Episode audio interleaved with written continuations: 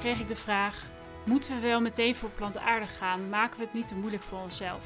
En ik vond het een hele mooie vraag, dus ik uh, dacht, ik ga hem eens even hier delen. Het ging om een, uh, ja, een, een, leverancier. Ze zijn eigenlijk toeleverancier, maar ja, die, die, leveren weer aan leveranciers waar de vraag van kwam. Maar eigenlijk is hij voor iedereen die plantaardige of überhaupt producten verkoopt, in welke schakel dan ook heel erg interessant. Ook als je een adviesrol hebt trouwens. Dus uh, dit is mijn visie erop in ieder geval. Ik heb natuurlijk nooit de waarheid in pacht. Ik zeg wel heel veel goede dingen. Maar goed, ja, moet je meteen voor plantaardig gaan. Ik zal hem wat concreter maken. Hè? Dus als je te maken hebt met innovatie, of je, ja, je bent nieuwe producten aan het ontwikkelen, of je bent recepturen aan het optimaliseren, of je bent juist een retailer en je legt die vraag bij je leveranciers neer. Het maakt niet uit. Moet je meteen voor plantaardig gaan? Want dat zien we in de markt gebeuren. Hè? Dus um, dit was dan de mening van die persoon die zei: Ja, ik, vind, ik zie gewoon heel veel nieuwe producten in uh, retail liggen. En eigenlijk zijn ze niet zo lekker, maar ze zijn wel vegan. En ik denk eigenlijk dat als ze hem vegetarisch hadden gemaakt, dat die wel lekker was geweest. Nou, dat zullen we niet weten, want dat is vrij objectief. We hebben geen marktonderzoek daarop gedaan, maar het gaat even om het voorbeeld. En hij heeft zeker gelijk, want wat je wel ziet is dat uh, er veel plantaardige producten opkomen. Je ziet nu ook bijvoorbeeld binnen vleesvervangers bij Albert Heijn is de norm echt plantaardig. Je ziet het ook als je kijkt naar de innovaties die komen, is de meerderheid vegan als basis. Overigens, in heel veel categorieën in de supermarkt is dat helemaal niet zo. Als er dan iets wordt geïntroduceerd, is het vegetarisch. Maar die omslag zal vast gaan komen. Maar daar wil ik nu niet te diep op ingaan. Kijk, wat je ziet gebeuren, en dan heb ik het nu over de Nederlandse markt. In de Engelse markt is dat al heel erg anders. Ga daar maar eens, nou ja, dat kan je online ook gewoon zien op de website van Tesco. Daar is al heel veel plantaardig. Ik las ook zelfs dat 20% van de uh, kant-en-klaar maaltijden die daar gekocht worden uh, plantaardig zijn. 20%. Ja, je kijkt ook, als je kijkt naar het aanbod, is, uh, is er ook gewoon al veel meer.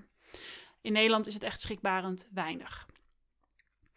Maar ja, waarom gebeurt dat nou? Nou, kijk, uiteindelijk is het zo. Wat wil de klant? Hè? En Albert Heijn heeft gewoon in haar doelstellingen staan. Ja, wij willen in 2030 dat 60% van de eiwitten die mensen bij ons kopen plantaardig is. Dus ik zal die even uitleggen. Je hebt de eiwitmonitor, het bedrijf IRI. IRI is een scanningspartij, dus die ja, die analyseert alles wat bij Albert Heijn onder andere, eigenlijk alle retailers, wat daar gescand wordt. En die maakt er ook analyses op.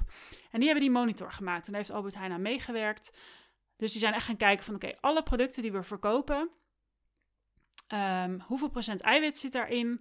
En ja, hoeveel verkopen we daar dan in volume van? En dan kan je dus uitrekenen, oké, zoveel procent van de eiwitten die we verkopen is dierlijk, zoveel procent is plantaardig. Het zijn wel allemaal gemiddeldes. We zijn nog niet zo ver dat je dat per product exact kan zien. Dus per productcategorie worden daar gemiddeldes genomen. Maar het is in ieder geval een mooie start. Nou, wat heeft die analyse nou laten zien? Is dat op dit moment bij Albert Heijn 70% van de eiwitten van dieren komt. Dus ik laat hem even inzinken voor de mensen die dit luisteren en uh, wat, wat dieper in de materie zitten. Dat is gewoon niet goed. Over het algemeen is het 60-40 gemiddeld. Bij Albert Heijn is het 70-30. Er zit wel een kleine nuance dat je niet alles kan meten. Dus, maar het is een startpunt. En wat zo mooi is met zo'n monitor, je hebt nu een startpunt. Ga je het over een half jaar weer doen, heb je dezelfde gemiddeldes gebruikt. Dus je kan in ieder geval een trendlijn gaan zien. Dat is natuurlijk ook het doel. Dus 70-30. Albert Heijn heeft in haar doelstellingen staan om in 2025 50, 50 te hebben. Dus 50% van de eiwitten plantaardig. Nou, dan hebben we nog uh, twee jaar en twee maanden te gaan. Dus dat uh, hebben we nog een uitdaging met elkaar. En ik zeg vooral met elkaar, want iedereen in de keten heeft daarin een uitdaging. Want de leveranciers van Albert Heijn zullen hierop gechallenged worden. Sterker nog, als je een goede leverancier bent, ga je hier proactief mee om. Maar je hebt ook weer toeleveranciers. Nou, je hebt alle stappen er weer voor. Dus dat. In 2030 moet dat 60-40 zijn. Dus 60% plantaardig. Dus ja, wat gaat er dan gebeuren? Is uh, dat jij je als uh, leverancier gechallenged voelt of je wordt gechallenged. Dat is nog, als ik de geluiden uit de markt hoor, wisselend per categorie hoe dat is. Ja, als ik een goede leverancier zou zijn, en bij, in het verleden heb ik bij leveranciers gewerkt en uh, nou, was ik goed. Dan ga je natuurlijk in je briefings naar productontwikkeling zeggen: maak het plantaardig als het kan. Dus nou ja, daar zijn we in het verleden ook uh, bij bedrijven waar ik werkte proactief mee gestart. ja, hoe kunnen we onderdelen van onze producten al meteen plantaardig maken als het kan? Dus hoe ik er naar kijk is dat er inderdaad eisen uit de markt worden gesteld. Dus ja, goede bedrijven, wat ze dan gaan doen, is in hun briefing zeggen: Oké, we willen gewoon dat het plantaardig is als het kan. Want als je dat niet gaat doen, dat is mijn ervaring en ik zit al uh, redelijk lang in het vak. Als je dat niet gaat doen, dan ja, word je toch niet echt gechallenged. Dus als je gewoon zegt: Ja, Ehm, ja, weet je, we willen wel wat vegetarisch. Dus het liefst, uh, nou, als we in ieder geval elke ronde van nieuwe producten een paar vegetarisch hebben, zijn we blij. Ja, dan ga je natuurlijk niet heel veel plantaardige producten krijgen. Laten we gewoon eerlijk zijn. Dan grijpen we snel naar de kaas. Dan, uh, dan dat wat werkt, dat gaan we doen. Maar als jij zegt, joh, uh, wij hebben gemiddeld in een ronde gaan wij 20 nieuwe producten aan Albert Heijn voorstellen. Als je een grote leverancier bent. Ik roep maar even wat binnen vers.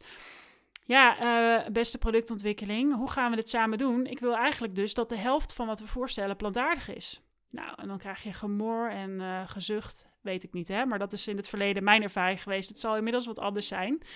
Maar dan ga je wel eens even drie keer achter je oren krabben. Oké, wat kunnen we doen? Nou, dan ga je het proberen en dan kom je erachter dat, dat er uitdagingen zijn. Maar dan word je in ieder geval wel gechallenged. En op een gegeven moment ga je dus ook die strategische keuze maken. Uh, wat ze vaak ook doen is producttesten doen. Hè, met, met bijvoorbeeld een Normac. Dat is een bedrijf die consumententesten doet. Uh, met een ene receptuur versus de andere receptuur. En dan ga je kijken. Want kijk, wij kunnen met z'n allen wel zeggen... ja, maar weet je, die versie is wel lekkerder. Maar goed, dan kan je... ja, je moet toch consumententesten gaan doen. Veel retailers uh, zeggen, zeggen ook dat ze dat willen dat je dat doet. Zeker binnen vers. Ja, dan kan het best uitkomen dat het dus wel meevalt dat de smaakverschillen helemaal niet zo groot zijn. Dus dan ga je wel krijgen dat er proactief wordt gestuurd op plantaardig. En er zijn ook voorbeelden in de markt. Bijvoorbeeld de vegetarische slager, die heeft ook doelstellingen gesteld dat ze op een bepaald moment alles vegan willen hebben, maar nu lukt dat nog niet op een paar producten, want ze zeggen ja, dat is op smaak nog niet te doen. En dat is dus een strategische keuze dat ze het niet doen. Maar ja, missen we daardoor soms een, een, een, kans? Want daar begon deze podcast eigenlijk mee. Hè? Gaan we niet te ver door alles meteen plantaardig te willen maken? Ja, hangt er vanaf met welk uitgangspunt je dat bekijkt. Dus als jouw klant of de eindklant, dus hè, als jouw klant een leverancier is die weer een Albert Heijn levert, dan is dat de schakel. Maar als een, als een Albert Heijn dat eist, of, of daarmee heel erg geholpen is, ja, dan zou ik wel kijken of ik het plantaardig kan maken. Want dan gaan ze gewoon keuzes in maken. En soms kan je het jezelf permitteren. Je ziet dat nu ook op de markt. Ik weet niet of je die al voorbij hebt zien komen, maar je hebt nu pannenkoeken van oh yeah, oh yeah, oh yeah, denk ik dat je uitspreekt. Nou, de producent van Jan Pannenkoeken, uh, die hebben nu haverpannenkoeken op de markt gebracht. Dus niet vegan, er zit nog ei in. En die zeggen ook ja, het lukt ons niet op dit moment om het zo te maken dat het uh, lekker vegan is. Dus we hebben minder ei, maar nog niet helemaal vervangen. Nou, ik ben daar niet bij geweest. Um, ik ga ervan uit, dat is best een wat groot bedrijf, dat ze dit getest hebben en dat dat nu hun overtuiging is. Nou, en dan zie je dus dat daar de keuze wordt gemaakt. Maar dan heb je in ieder geval, ben je al heel ver. Je moet alleen het ei er nog uithalen. Ik zeg niet dat dat makkelijk is. Het kan. Dus, dus dat is ook een strategische stapsgewijze keuze. De vraag is, had je niet beter kunnen wachten in dit geval, want het is niet vegan. Maar goed, ik, ik zeg altijd, cijfers liegen niet, dus we wachten de verkoopcijfers af. Maar ja, weet je, daarin ga, zou ik wel strategische keuzes maken, omdat de markt het gewoon van jou verwacht. En ik zou dus altijd intern kijken, kunnen we het plantaardig maken? Altijd mensen intern challengen, ook je toeleveranciers challengen. En soms, ja, die paar cent extra kostprijs op de koop toenemen als je voorop kan lopen. Dus ja, we zullen soms commercieel een kans laten liggen of omzet laten liggen doordat we het meteen plantaardig willen maken.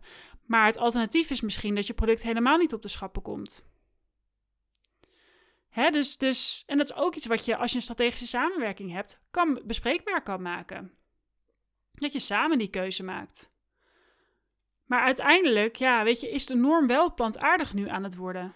Hè, dus, dus, want ja, als we 20, 25, 50 procent van de eiwitten willen, nou, good luck. We zijn er nog niet. We zitten nu op 70-30. Ik weet niet of je recent uh, wel eens hebt gekeken naar de verscategorie, maar ja, daar, daar word je echt niet gelukkig van. Als je plantaardig wil eten. Dus daar moet echt nog aan de aanbodkant heel erg veel gebeuren. En waar ik in geloof, en dat is een andere insteek, is dat we ook moeten leren dat smaken veranderen. Mocht je dit luisteren en je bent al een tijdje vegetariër of veganist, of, nou ja, goed, of je eet plantaardig, of je bent gestopt met bepaalde producten. Ik heb ook mensen in mijn omgeving die zeggen, nou, als ik vlees eet, eet ik alleen nog maar kip. Wat ze altijd zeggen is, mijn smaak is veranderd. Dat zeggen ze niet na een maand. Maar ja, ik heb dat nu ook, dat ik denk, ja, mijn smaak is gewoon veranderd. Ik krijg wel eens koemelk in mijn koffie. Dat gebeurt heel af en toe. Um, ja, ik vind het gewoon echt niet meer lekker. Je smaak verandert. Hè? Dus ook daarin, het is misschien een beetje een flauwe opmerking, maar ik denk ook dat we daarin echt wel wat te voorzichtig zijn. Dat we echt wat te voorzichtig zijn. We moeten mensen echt anders leren eten. Ik had laatst ook een heel interessant gesprek met een partij die vrij vernieuwend zijn. En die, uh, dat ik ook met hun ben gaan kijken van ja, moeten we wel ons een alternatief noemen? Of zijn we een nieuw segment aan het neerzetten? En dat is gewoon een hele interessante vraag. Dus ja, mijn ja, uitgebreide antwoord op deze vraag, maar ik probeer hem even vanaf verschillende invalshoeken te geven. Ja, je zal soms omzet verliezen. Je zal ook omzet verliezen als je halstarrig zegt: uh, ja, het kan niet vegan. Dus het is ja, heel erg genuanceerd. Het hangt heel erg van je situatie af. Maar durf echt iedereen in de keten ook echt te challengen. Want geloof mij, er is veel meer mogelijk dan je denkt. Laat ze maar wat langer zoeken. Ehm, ga ook met elkaar kijken wat het dan extra kost. Kan je dat dekken? Kan je dat aan de consument uitleggen? Ehm, ja, of, of weet je dat het volume gaat groeien en daarmee kom je op een andere staffelprijs uit. Ja, weet je, ik kan allerlei dingen bedenken. Maar soms is het echt een strategische keuze. En dat is eigenlijk wel mijn, uh, waarmee ik wil eindigen. Is dat we daarin niet altijd een strategische keuze maken. En dat moeten we vaker gaan doen. Dus dat is mijn antwoord op de vraag. Ik hoop dat je het waardevol vond. En als je nou denkt, nou, ik zie hier echt, ik heb hier een hele andere visie op. Vind ik heel leuk om te horen. Je weet me te vinden. Je kan me altijd een berichtje sturen op LinkedIn of uh, op een andere manier via de website. En dan hoor ik je graag. Uh, mocht je daar nou uitdagingen bij hebben, dat je zegt, ja, we willen wel, maar ik heb geen idee, reik dan ook even naar me uit. Misschien kan ik iets voor je betekenen, want het is gewoon belangrijk dat plantaardig de norm wordt. En uh, ja, dat we elkaar daarin gaan helpen om dat samen te doen. Een hele fijne dag.